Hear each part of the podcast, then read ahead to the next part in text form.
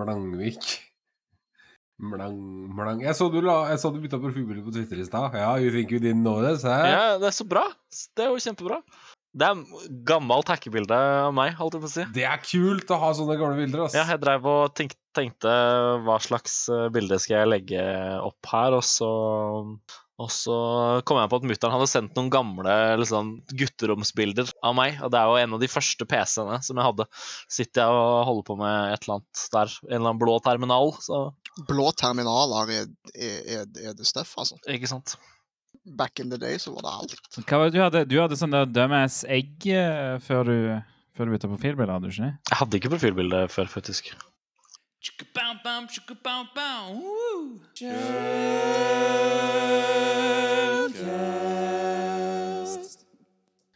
heter Vetle. Jeg jobber som pentester. At bordplate på Twitter. Jeg heter Melvin, jobber som pentester. At Flangvik på Twitter.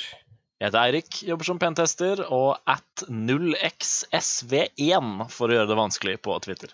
Jeg heter René, jeg jobber da med sikkerhet i staten, og mitt Twitter-handle er at particlevoid. Så jeg heter Alexander, og, og, og jeg, jeg jobber med datamaskiner. Uh, og, og mitt eh, Twitter, er det en ting? Nei, du må ikke ha Twitter. Jeg vet ikke. Jeg, jeg, jeg vet at jeg har, jeg har sikkert en Twitter-konto, men jeg bare eh, Ja, jo, jeg tror jeg har en Twitter-konto. Nå er jo mitt store spørsmål om det er noen på Twitter som heter 'er det en ting'? Hvis ikke så må jo du ta det handlet. Uh, uh, OK. OK, vet du da. Er det en ting? Phone. Use email instead. Nydelig. Vakkert. Men da mens vi, mens vi venter på at Alexander skal ta og signe seg på Twitter, så kan vi vel si hva det er vi drikker rundt bordet i dag. Jeg kan vel starte og si det at jeg drikker en uh, obskur drink eh, laget av cola, uh, Jegermeister og lime. Jeg, Jeg drikker da en, en, en Global Pale Ale For en kar. fra, fra, nei, fra, fra Nøgne Ø, hvis det er sånn du sier det. Det er sikkert noen eh, ølaficionados som eh, kan kommentere det i kommentarfeltet, holdt jeg på å si. Men eh, vi, vi sier det er Nøgne gjør vi. Jeg, jeg tror det. Jeg føler noen har fortalt meg at det, det, at det er måten du sier det på. Høres riktig ut. Jeg drikker isbjørn. Øl. Ikke en hel isbjørn, altså. Jeg, jeg hadde et sånn svakt håp om at det var en sånn leskedrikk som ser ut som en isbjørn, som vi hadde når vi var små. Kaptein Sabeltann-is. Kaptein Sabeltann-øl. Åh, Mm. Kaptein Sabeltann is. Vi reiste fra Karibien Altså Her er det Kaptein Sabeltann 24-7 eh, Melvin, så det er bare å komme på besøk. Da kommer jeg, ser seriøst. Når jeg var, ok, når jeg var liten, så, så Bare sånn quick story, storytime. Når jeg var liten, så tvang jeg mora mi til å ha, hardcore kopiere og sy hele Kaptein Sabeltann-kostymet for hånden. Og det skulle være kliss likt! Skulle være etter millimeteren. Når jeg kom inn i Dyreparken i Kristiansand, så bare peka kidsa på meg. Det er Sabeltann! Det er Sabeltann! Jeg bare fuck yeah, jeg er Sabeltann. Jesus. Så René, du nevner at det går mye Kaptein Sabeltann eh, hjemme hos dere for tiden? Ja, det gjør vel det støtt og stadig. Bortsett fra et par litt sånn eh, ikke barnevennlige samba-låter som barna mine syns er helt fantastisk. Jeg oversatte teksten på en av dem, og sa 'gi meg den lille tingen din' er en av de tingene de repeterer om og om igjen. Men er ikke det, er ikke det skjermen med kids da, og musikk? Jeg kan si eh, så enkelt at når barna går rundt og synger noe, så har jeg lyst til å vite hva svarte svingene der de sier, spesielt når det er sunget på et språk jeg ikke kan. Ah, sånn, ja. Ah, ok. Jeg trodde du oversatte det for kidsa dine, og så var jeg sånn Why? Why Nei, nei, that? Nei, nei, nei. Eh, De skal få lov til å slippe å vite hva det er de synger, når ikke de vet hva de synger. Jeg lagde en Twitter-konto til Shellcast. Det er 5H3LLcast. Eller bare Shellcast. Men- Er det noen som fikk uh, mail angående verifiseringskoden til dem? Genialt sjakktrekk, det greiene der. Men ja, for vi lagde en sånn felles, uh, felles uh, konto, postboks, uh, skal du si, e-postkonto for, uh, for Shellcast, som er podcast etter 5h3ll.so, eller shell.so. Men ja, det var den jeg registrerte på Twitter, så alle som har sånn forwarding på den, fikk eh, e-post om her er Twitter-koden din, som så noe suspekt ut. Jeg så det med en gang jeg registrerte meg med den e-posten og fikk den e-posten. Så tenkte jeg ah, de andre kommer til å stresse og tenke ah, shit, dette er for Twitter-kontoen min. Jeg stressa hardt over det. Jeg tenkte bare nei, der røk den. Og så tok det sånn 10-15 sekunder, og så bare å ja, å ja. Den kommer derfra, ja. Det var sånn det var, ja. Det var eh, noe samme opplevelse her også, som eh, som dere sikkert har sett, så har jeg jo eh, revitalisert Twitter-kontoen min de siste dagene. Og når den kom inn, så tenkte jeg at ja, det gikk jo fort å bli hacka såpass. Det, det var noen kjipe minutter det tok, som Melvin også sa på discorden vår, tok litt lengre tid enn man gjerne har lyst til å innrømme og finne ut at man ikke hadde blitt hacka. Nei, men Vi begynner å komme i gang nå med podkasten. Jeg har gitt ut podkasten, vi har greie stats fra de to første dagene. Men jeg er ikke helt, jeg er ikke helt fornøyd med hvordan jeg har gjort liksom, oppsettet på, på å distribuere podkasten. Podkaster funker jo med RSS-feeds og er veldig sånn eh, desentralisert, på en måte. Så bruker vi Soundcloud til å hoste selve lydfilene. Og så har jeg en eh, Vi har egentlig podcast.shell.sh, der jeg vil ha eh, alt av podcasting og sånn. Jeg vil self-hoste det der. Så til nå så har jeg en, en temporary redirect fra podcast.shell.sh slash feed til vår Soundcloud RSS-feed. For Soundcloud gir deg en RSS-feed. Og så har jeg prøvd en haug med sånn open source uh, podcast-hosting-greier som man kan self-hoste. Men ingen av de tillater meg å, å, å gjøre shownotes i HTML. For nå har jeg uh, I MP3-filer så kan man, uh, så kan man embedde kapitler. Så jeg har gjort det. Så alle, alle podcast-episodene vi har gitt ut, de har uh, kapitler der du kan, liksom, du kan skippe mellom de. Det er embedda i MP3-filen. Og så vil jeg i tillegg da ha shownotes. Jeg vil ha det i HTML, sånn at jeg kan liksom si sånn ah, Vi har lagt til eh, nyhetssaken i shownotes. Bare gå der og trykk på, prøv trykk på ting. Så jeg liksom har lyst til å ha de to som power podcast-featurene, som er liksom kapitler, og shownotes i HTML. Men uh, jeg får ikke det til det med open source-prosjekter, og Soundcloud støtter heller ikke shownotes. Uh, den støtter i hvert fall kapitler, så det er liksom, det er løst, da. Men så jeg, jeg lurer på meg må, liksom, om, om løsningen må være å lage et eller annet eget sånn podcast-CMS-system. Jeg tror ikke det skal være sånn supervanskelig. Alt han må gjøre, er bare ta inn og ta inn filer og kunne presentere de, eller gi de til klienter, og så, uh, og så lage den RSS-feeden. Jeg syns det høres ut som sånn famous last words. Det er sånn Jeg har et problem, jeg kan løse det selv. Og så, før du vet ordet av det, så er det noen som har hijacka hele sesjonen din, og så har de eid hele nettverket ditt. Nei, nei, nei. Jeg har lagd det i Rust, eller jeg holder på å lage det i Rust, så det kan ikke bli hacka, har jeg hørt. Altså, det er gøy, da. Det, jeg synes det, det er sånne ting som er gøy. Nå lager jeg et eller annet i Rust, og med rammeverk som heter Rocket, og det er veldig sånn early stages. men det, det er gøy. Det er noe nytt. Jeg har hatt lyst til å lære meg Rust ganske lenge. Så å lage nettside eller CMS-system for web i Rust høres ut som et godt prosjekt, liksom. NSM har oppdaga mistenkelig IT-aktivitet hos flere virksomheter. Jeg vil, bare, jeg vil nevne dette fordi at, uh, fordi at vi hørte i forrige uke fra Chris. Chris nevnte òg at, uh, at man ser mye mer angrep uh, nå i det siste. Og så har jeg hørt òg ifra, andre som, som, jobber med, med uh, instant response og sånt, at uh, de òg har, uh, har, sett mye mer aktivitet da, på angriperfronten. Det var altså da Chris Dale som var gjest på forrige episode, var det ikke? Jo, stemmer. Nei, men NSM sier at de har sett mye, mye like angrep som, som, de så mot Stortinget, til både privat og offentlig. Og så har de, de typiske greiene. De anbefaler tofaktor. Men morsomt nok, da. Dette, var, dette leste jeg i Digi. Men Digi måtte, spe, måtte eh, spesifisert eh, og oppdatere at det stemmer ikke at NSM anbefaler hyppig eller rutinemessig bytte av passord. Så de har tydeligvis skrevet De har sikkert skrevet det på automatikk. Sånn ah, 'NSM anbefaler tofaktor og bytte passord.' Og så etterpå sa NSM sånn eh, 'Nei, ikke hyppig bytte passord, takk'. Så var det 2020? Nei, altså, det, men sant, det, det, er ikke en sånn kjempestor sak. Jeg, bare, jeg følte det var nyttig å, å, nevne det. Ellers har jeg liksom ikke sett så mye som har skjedd i den siste uken. Det har vært Stortinget som, eh, der, der folk har vært ute og sagt ingenting igjen. Nei, det har vel ikke kommet noe særlig mer nytt fra Stortinget eller noen av eh, sertene eller eh, noen der? Nei? Ikke som jeg har hørt eller sett eller lest. Ja, men det er vel ikke Altså, hva skal, hva skal Stortinget gjøre, da? Skal de liksom Du, dette By the way, folkens, dette var måten vi ble eid, og, og her er de store hullene i vår brannmur. Kom og ta oss, på en måte. Man hører jo bare gang på gang, og som vi har snakket om eh, tror jeg i den første episoden, hvert fall, eh, som har blitt gitt ut, så er det jo det at man skulle jo ønske at flere, flere selskaper er litt mer åpne om hva som skjedde. Ref eh, Hydro, Ref Visma. Altså, nå er jo selvfølgelig dette private selskaper, da, eh, som, hvor det ofte er litt lettere for de å kunne gå ut med sånt. Men eh, det er jo en stor etterspørsel og vil jeg si en trang i, altså på, på den quote unquote blå siden.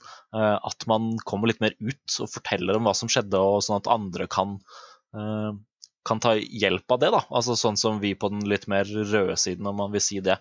Hjelpe hverandre med å dele TTP-er og dele ja, kildekode, prosjekter på GitHub, nye ting man finner, så skulle man jo ønske at eh, de kunne gjøre det etter at sånne type angrep og breaches eh, skjer. da. Ja, det er jo Ja, en det- sånn ting som vi diskuterer ganske heftig eh, internt eh, i, i offentlig sektor også, er hvorvidt vi skal dele. Hva skal vi dele? Hva kan vi dele? For vi ser jo definitivt en, eh, en stor fordel i muligheten til å dele når noe skjer. Så at ikke det skjer i større omfang enn det det gjør nå, er, tror jeg egentlig bare er en modningsprosess. Men jeg tror at på et eller annet tidspunkt, når vi begynner å få litt mer eh, forståelse for hva vi kan dele og hvordan, så tror jeg nok at vi også vil se det fra offentlig sektor, at de blir flinkere til å dele mer informasjon i framtiden. Ja, for det, det ser jeg jo mye fra admin-sida, at det er på en måte et veldig sånn stort spørsmål internt i bedrifter hvis det skjer noe. Hva, altså hva, hva gjør vi, hva sier vi, og på en måte Gjerne er det proprietære systemer, sant? så ledelsen vil gjerne ikke at liksom, vi skal kaste våre interne ting ut på, på nett og forklare folk hvordan det funker. Så det er jo et, altså det er jo ikke bare et problem for det offentlige, men det er jo et problem for det private. Men jeg er egentlig enig i det at jeg mener at en, en burde jo bare delt alt, teit nok, fordi da blir vi jo sikrere sånn all around, og det gjør at vi får bedre, bedre ting. Men selvfølgelig så er jo ikke det en ting som kan gjøres i praksis nødvendigvis. Jeg ser jo det at eh, NCSC, som er, er, i, er i forhold til eh, eh, N, NITH, er ikke det? Eh, at det er et godt samarbeid og, og, for å prøve å få, få delt informasjon. Eirik, jeg så du delte eh, en artikkel. Nettleseren Brave tatt på fersken endrer URL-en i adressefeltet for å tjene penger. Som er sykt misledende artikkel når jeg leser på den. Det, det er Brave som Når du går inn på typ sånn som Binance.us, så legger han til eh, spørsmålstegn ref equals et nummer. da. Mm. Det er vel Brave Reward uh, i den, som den legger til der, så vidt jeg forsto det.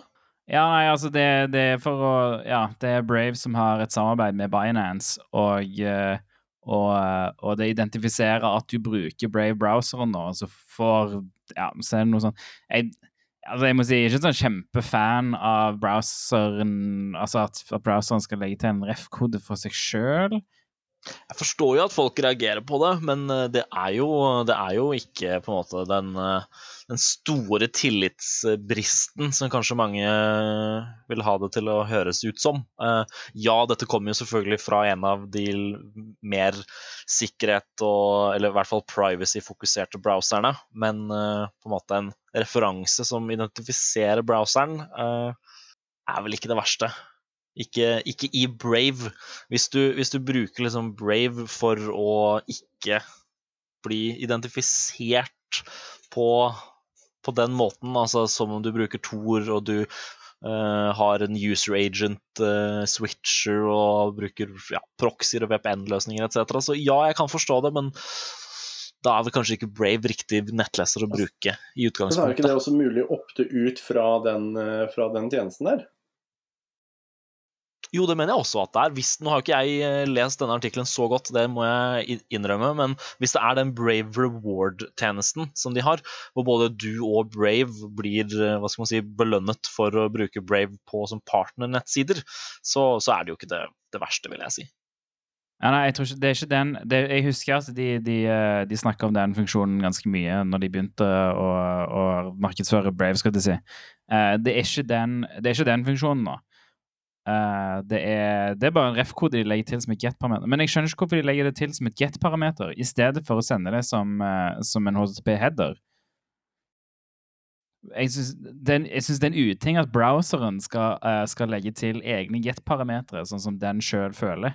Jeg kan skjønne uh, HTTP-headere, men ikke Det kan jo være det at de vil at det skal være synlig, sånn at ikke noen skal tro det at de prøver å snike seg unna det. For at hvis de hadde putta det i headeren, så tror jeg det hadde skapt mer mistanke rundt om de prøvde å snike seg rundt vanlige brukere. Det vil jeg Ja, ja, men det er jo derfor man også. dokumenterer ting, da. Når du er en så stor browser, så dokumenterer du hva du gjør av, eh, av, eh, av ja, rar, eh, rar behavior, da, som er utenfor behavioren til f.eks. Blink, som er rendereren og, og sånt. Mitt spørsmål er er det den samme ID-en. Fordi hvis det bare er den samme ID-en, som, som, så er det jo egentlig ikke noe problem. På en måte. Det ser ut som at det er den samme ID-en, eh, ja. Eh, Men ref, ref det med å putte den i headeren versus å putte den som, eh, som en get request eh, eller parameter der, så tror jeg nok det er eh, i, litt i leiren der jeg nevnte det å switche user agents og sånn. Fordi hvis du har en eh, user agent switcher eh, i nett, altså installert i nettleseren din, sånn som Rander, Random User Agent, uh, så bytter jo den ut headeren som browseren kommer med. Så hvis de hadde hatt det der, så ville den jo ikke fungert uh, i det hele tatt, da, tenker jeg. Nei, nei, nei, nei men jeg tenkte, jeg tenkte, ikke, jeg tenkte ikke sånn endre user agent-headeren. Jeg tenkte at de legger til en Mm. header, som for eksempel eh, at du kan legge til x dash uh, De kunne hatt x dash brave dash affiliate, liksom. sant? Mm. Det høres ut som noe som, som er en sånn ustandard-header, men han følger liksom den der eh, de custom header uh, eh, navnegivnings... Eh, Mm, riktig. Kan nok se for meg at det bare er mange av de tredjeparts sånn privacy-verktøyene som, som, som bytter ut alt det, men. Ok, Ja. for, Jo, jo, men men, uansett så det jo- sånt er det jo bare. Hvis, hvis noen har installert noe som, uh, som privacy-greier, som, som går over den custom headeren, så, så får det bare være, liksom. Det kan umulig være så viktig. I hvert fall når, altså, når du har de jet-parameter, de òg Nei, jeg vet ikke. Men det står her uh, etter all kritikken vil Brave nå innføre en mulighet til å skru av eller på denne funksjon, eh, funksjonaliteten. Så det, du kan ikke skru den av ennå. La meg hente en ny øl, da. Hent en ny øl. Deilig. da får jeg blande drink nummer fem, så dette her kommer til å bli, bli veldig bra i morgen Nummer tidlig. fem! Woo! Fuck yeah. Jeg har sittet her en halvtime. Si. Jeg hadde allerede tatt en drink eller to før jeg kom ned. jeg. Ser man det? Nei, men jeg, eh, jeg skrev ned eh, i andre topics, fordi at det var lite, lite nyheter i dag, tydeligvis. Men jeg, eh, det er alltid litt gøy å høre om andres eh, sånn tidlige prosjekter, der man ikke Når man begynte å lære seg å programmere eller å lage, så hadde man ikke peiling på sikkerhet. Hva, er det noen av dere som har et godt eksempel på en eller annen gang der dere bare hadde en åpen SQL injection-feil, eller et eller annet sånn ridiculously usikkert greier. Uh, jo, nei, jeg for noen år siden uh, var veldig glad i noe som heter Shoutcast, som var en del av uh, Winamp. Og fins det vel en sånn variant av Shoutcast fortsatt? Eh, Icecast er det nå. ja, Icecast tror jeg det var. Ja, det- tror jeg det helt stemmer, eh, vet jeg. Shoutcast var greia back in the day. Uh, og det her var noe jeg brukte massiv, i massive mengder. Så jeg skrev i Pearl et uh, CGI-skript som skulle da hjelpe meg med å parse gjennom alle shoutcast uh, som eksisterte. da. Eh, og dette her var da en eh, helt plain XML-parser. Og dette var da etter at jeg hadde lært meg Pearl. Eh, flaut nok også etter at jeg var ferdig på universitetet i forhold til data forensics og sånt nå. Jeg hadde da ikke pugga like mye på pentesting-biten. Og jeg hadde da selvfølgelig klart å glemme å passe på inputen min. Så plutselig en dag så gikk jeg inn for å skulle hente fram en shoutcast. Og hva er det jeg fikk se? Et helt svart bilde med rød tekst som sier 'Tiger Crew has hacked this server'. Da var det da en gjeng med indere som tydeligvis hadde hatt veldig mye moro med, min, eh, med mitt CGI-skript. Det er gøy. Jeg, jeg har òg en, en horror story fra mine Hva skal jeg si Den eneste utviklerjobben jeg har fått betalt for noen gang. Uh, og, og jeg er egentlig, det er egentlig superflaut. uh, men jeg, eh, jeg ble kontakta av eh, noen jeg kjente. Eh, sånn type Du kan jo programmere i, i POP. Og så tenkte jeg at ja, jeg kan jo programmere. Selvfølgelig kan jeg det. Jeg smelte opp en, en database, og det var egentlig bare de skulle, de skulle vise noen artikler, på en måte. Noen, altså ikke Men liksom ting du kunne kjøpe. Og så skulle du kunne trykke på dem, og så sende en mail til kunden, da. Eller ikke kunden, men til, til eh, Altså sende det inn som en bestilling, da, på mail. Det som var litt tingen, da, var at jeg satte opp denne backenden, og så mekka jeg alt og bygde et lite sånn smått API for å liksom levere bilder, og på en måte du kunne poste tilbake for å sende mail. Og jeg tenkte at uh, dette var awesome, så jeg spurte liksom om å få tilgang til frontenden. Uh, og så viste det seg at de hadde brukt en sånn der uh, Det var helt i begynnelsen av disse her la, Holdt på å si Du lager ei webside uten HTML, der du bare drar masse bokser inn for å på en måte vise HTML. da. Det er sånn type sånn Vix og alle disse andre tullete tjenestene, ikke Ja, type sånn tjeneste. Uh, som de da hadde brukt for frontenden. Og det var ikke jeg klar over. Så nå måtte jo jeg da plutselig bruke et system som ikke tillot eh, på en måte annet enn en javascript til å prøve å kommunisere med denne backenden. Og, og i utgangspunktet så er jo det på en måte Ja, ja, men det er ikke noe problem. Problemet var at dette nå var på to forskjellige domener. På et tidspunkt så endte jeg opp med å XSS-e uh, ved hjelp av iframes denne websida, sånn at det skulle fungere, og omgikk cross origin og alle de tingene der for å få lov å hente ut de dataene fra den databasen. Heldigvis så ødela tok det, Gikk det noen uker, og så ødela faktisk Edge muligheten for å bruke de iframene på den måten som, som jeg brukte de på. Som betydde at jeg da kunne sette meg ned og si vi må redesigne dette. Så det ble heldigvis fiksa, men eh, det er en sånn horrorstory av der eh, jeg XSS-a nettsida til en kunde for å kunne tilby den tjenesten som, eh, som, som de ville ha. Det store spørsmålet vi alle sitter med nå, Alexander, er vet du hvorvidt leverandøren av den tjenesten som du kjørte cross-site scripting på, vet du om de har klart å patche det, den feilen? Det vet jeg, det vet jeg ikke. Eh, det, det, når jeg mekka det, så funka det i, eh, i Jeg vet ikke hvor teknisk jeg, jeg bør gå, holdt jeg på å si.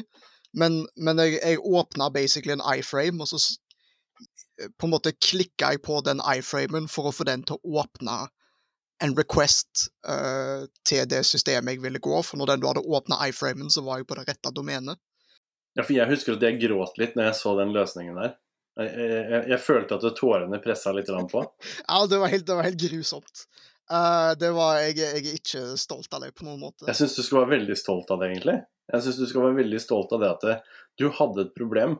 Du kunne løse det ved hjelp av en sikkerhetsfeil i en tjeneste som kunden din hadde betalt for. Så du burde egentlig være litt stolt, og så skamme deg litt grann samtidig. Ja, jeg, det skammer meg veldig mye. I noen applikasjoner så har man load-bearing bugs. I andre applikasjoner så har man load-bearing vulnerabilities. Stemmer. stemmer. Load-bearing vulnerabilities.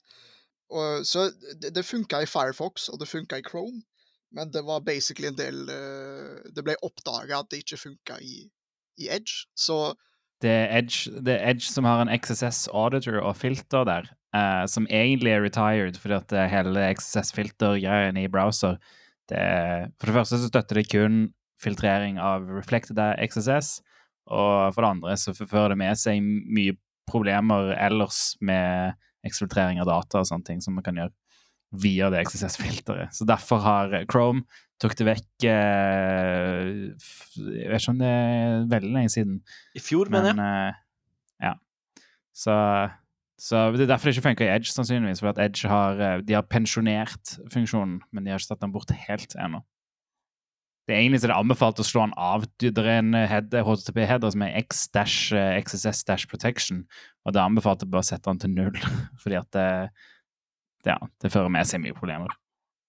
Jeg har, jeg har jo akkurat gjort pentest på, på en kunde på en webapp. Da alt er refreshed.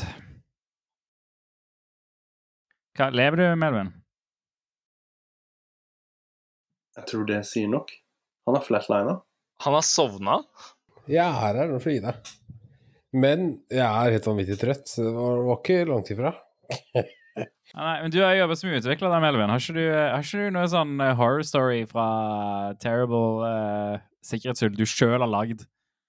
Ja, så Jeg er jo perfekt, det vet jo alle. Så nei da. Nei da. Men greia er? Vi utvikla jo uh, jeg, Når jeg drev som utvikler, så utvikla jeg egentlig backend-API-er i Asher. Og da får du jo veldig, veldig veldig mye ferdig ut av boksen, ikke sant? Eh, men vi, jeg vet at når jeg forlot prosjektet, så var det en del eh, XSS-feil i, i frontend-løsninger som de ikke hadde tatt hensyn til. Men det er jo på en måte ikke all verdens. Eh, men så hadde jeg jo faktisk i løpet av som utvikler, så hadde jeg, lagde jeg jo en demo på SQL Injection i Cosmos-databasen til Lasher. Eh, det var riktignok blind, da, bare som et konsept for å liksom demonstrere at eh, du kan fortsatt gjøre SQL Injection på, på skyløsninger som bruker ferdig, eh, ferdig satt opp back-in-databaser og sånn. Men, men ikke noe mer enn det. Nå, nå skal det sies at jeg la vel ikke noe større tid i det heller, ikke sant. For da satt jeg jo på andre sida av bordet. Så da måtte jeg fikse det hvis det ble funnet. Så da la jeg, hadde jeg for så vidt ikke noe mer tid å bruke i det heller, da. Men eh, ja. Hvilke feil? Hvilke sårbarheter? Nei, hva tenker du på?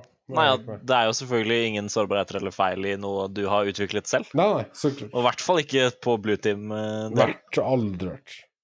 Men uh, Nei, jeg har vel ikke noe mer Tingen er jo, ikke sant, sånn som i, i konsulentselskapet jeg jobba i, så var liksom mottoet at vi skulle realisere eh, visjonen til kunden så fort som overhodet mulig.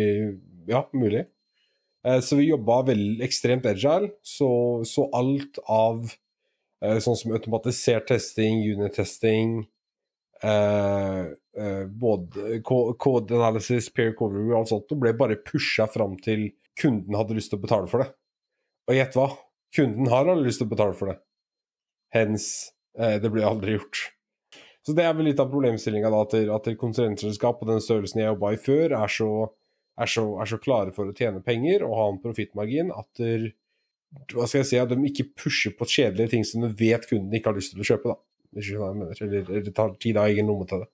Men, sånn, eh, men det, er, det er nok veldig annerledes når du jobber inhouse. Jeg har jo en kamerat som jobber inhouse med, med Java. Uh, Backen up i det, for så vidt òg.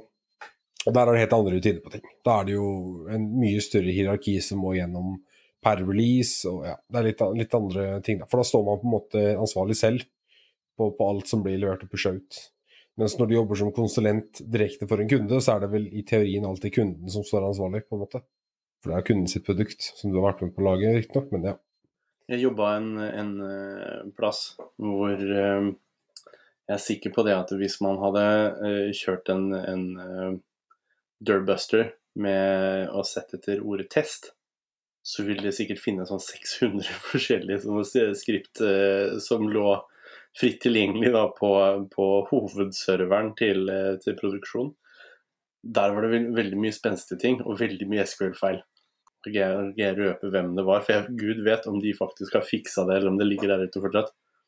Jeg burde kanskje ha det som sånn hobbyprosjekt, og prøve å se om jeg klarer å finne alle disse gamle skriptene våre.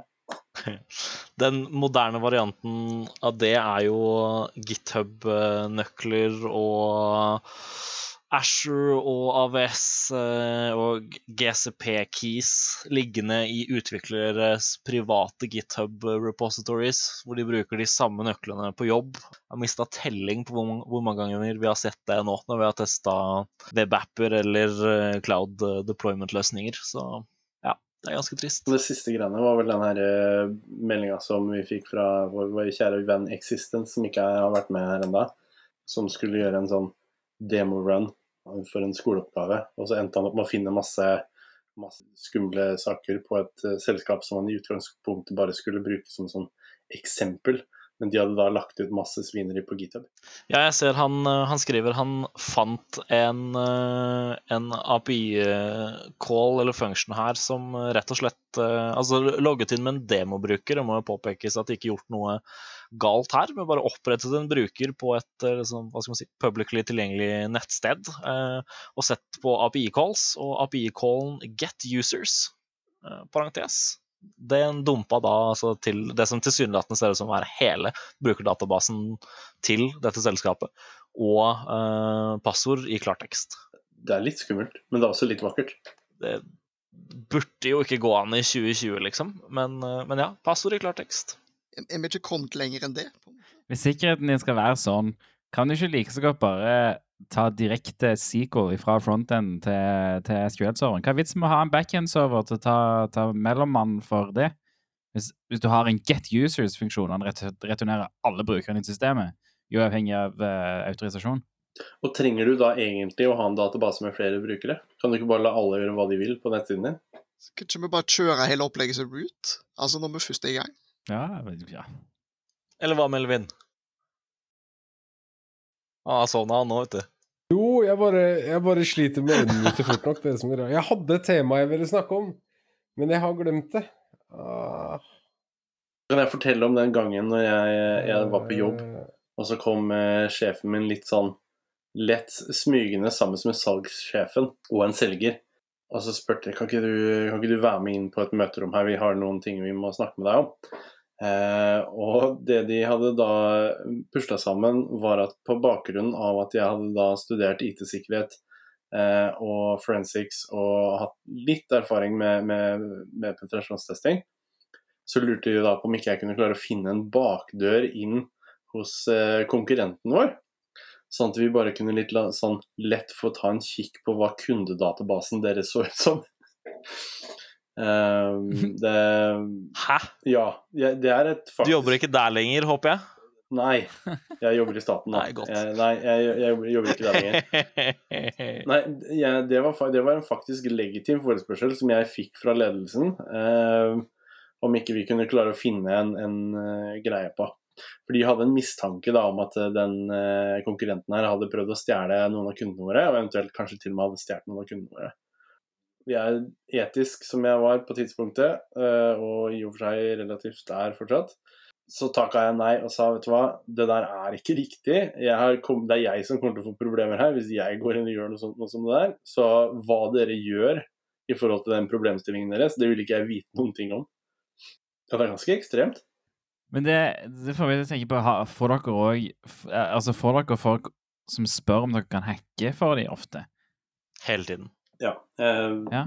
Det er kanskje en av de spørsmålene jeg får mest når jeg introduserer eh, interessene mine for noe. Så jeg har egentlig slutta med å gjøre det. Jeg har funnet en ganske interessant ting. At det, det dummeste du gjør mot familie, venner, naboer, kassa, altså hun dama i kassa på Rema Ikke si at du jobber med IT. Det er det dummeste du gjør. Det beste du gjør, er å si at du jobber som regnskapsfører. Det er ingen som vil spørre en regnskapsfører om hjelp. Ingen. Null. Men Melvin, Melvin, jeg holder jo Du som er regnskapsfører, jeg har jo akkurat starta enkeltmannsforetak. Eh, Jeg syns det er veldig vanskelig å føre den skatten min. Altså Jeg skal bare si at det er veldig, veldig mange mindre av den varianten der enn det er du. Den PC-en min begynner å bli treg nå. Ja, for du er jo sånn, du er jo sånn penetrasjonstester, vet du, så du jobber innenfor IT. Kan ikke du hjelpe meg med ruteren? Ja, den også er fæl. Men hva er, ok, da, spørsmål. Hva er, det, hva er det mest aktuelle yrket du kan si du jobber som for å unngå at folk plager deg med ting? Kjør. Det er ikke skatteoppkrever eller noe sånt. Ja, Si at du jobber i skatteetaten, da vil ingen røre deg. Det var smart. Men jeg, jeg, jeg, får, jeg har aldri fått inntrykk av at hvis jeg sier jeg jobber med IT, så kommer folk og spør om jeg kan hacke. Det var når jeg var liten, når jeg sa jeg var liksom interessert i data og sånne ting, når jeg gikk på ungdomsskolen, så var folk sånn 'Å, kan du hacke ting?' Og så var jeg sånn og så var jeg cocky og sa ja, men jeg kunne ikke det for shit. Jeg gikk på ungdomsskolen. Jesus.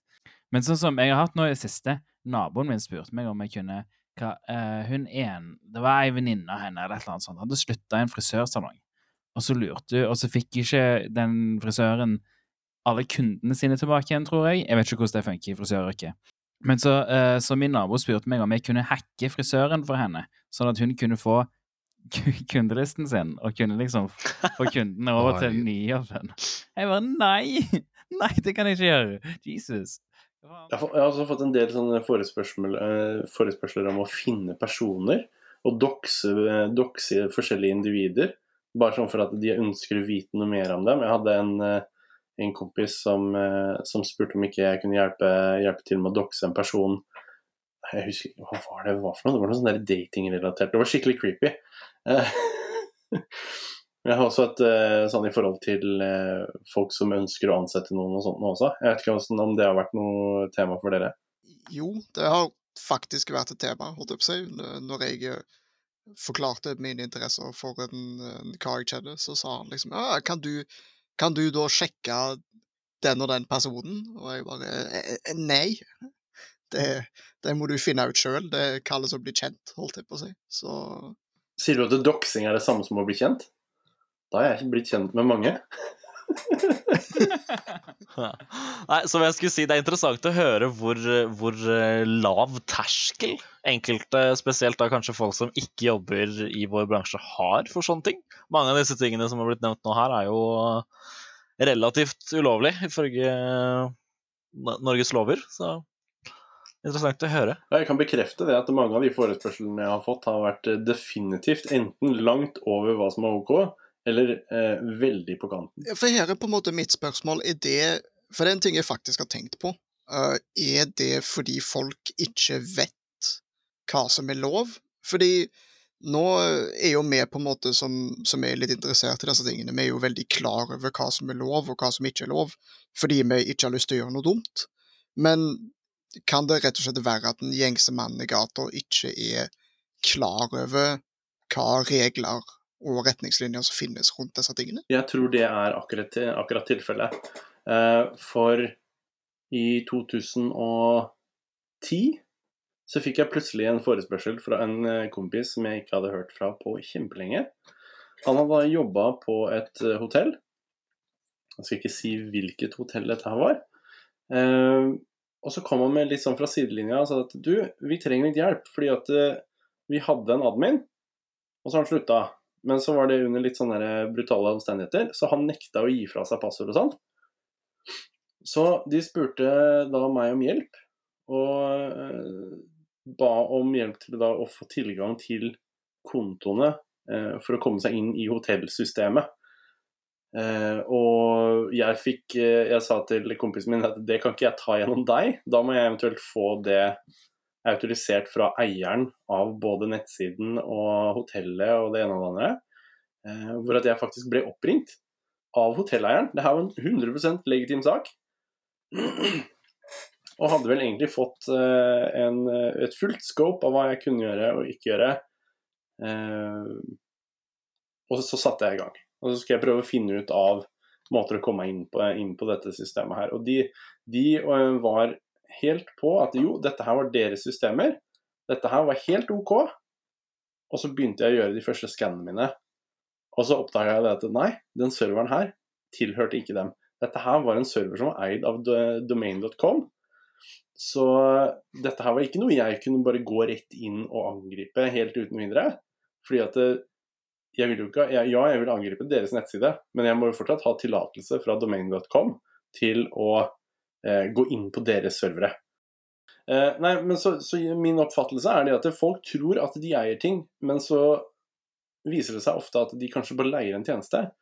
Og så kan det være det at de ansetter folk til å gjøre ting på den eh, serveren som kanskje ikke er helt OK. For jeg satte meg ned og begynte å lese aulaen til, eh, til eh, tjenesteprovideren deres. Og det viste seg da at det jeg var i ferd med å gjøre, hvis jeg skulle tatt steget videre over å bare skanne systemet, så ville jeg potensielt kunne bli rettsforfulgt. Ja, altså, men det er en sånn eh, Ja, for den skjønner jeg, der de ikke vet hva de eier for noe sånt. Men når sånn naboer og venner spør om du kan hacke ting Jeg tror de tror at internett fortsatt er en sånn Ville Vesten-greie, der alle kan gjøre litt hva de vil, og hvis noen hacker noe, så, så får de jobb i FBI, liksom.